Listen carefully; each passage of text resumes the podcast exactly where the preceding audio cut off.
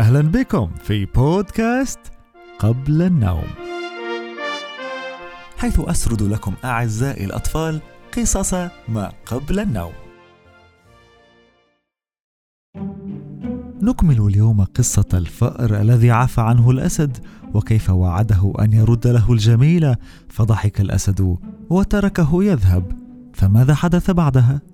وحتى نبدأ القصة أرجو أن تغلقوا عيونكم وتستمعوا لي وأنا أروي هذه القصة. سأعد إلى ثلاثة وأبدأ بسرد القصة.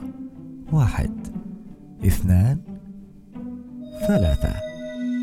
مرت الأيام على حادثة الأسد والفأر إلى أن استطاع بعض الصيادين المتجولين في الغابة أن يمسكوا بالأسد ويربطوه إلى جذع شجرة.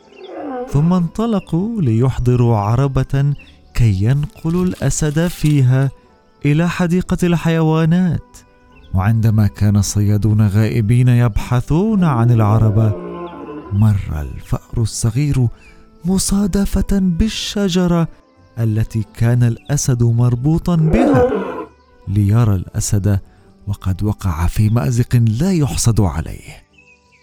فقام الفأر الصغير بقضم الحبال التي استخدمها الصيادون لتثبيت الأسد وأسره حتى قطع تلك الحبال جميعها محررا الأسد.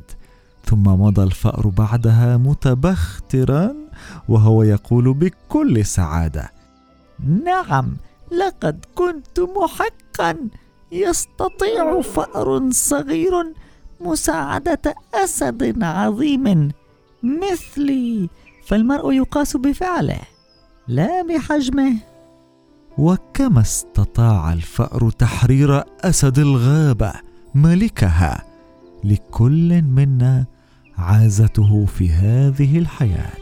فكلكم مهمون كلكم أقوياء بعضكم أقوياء جسمانيا بعضكم أذكياء جدا بعضكم مليء بالمهارات لكن كلكم أقوياء ومتميزون في شيء ما.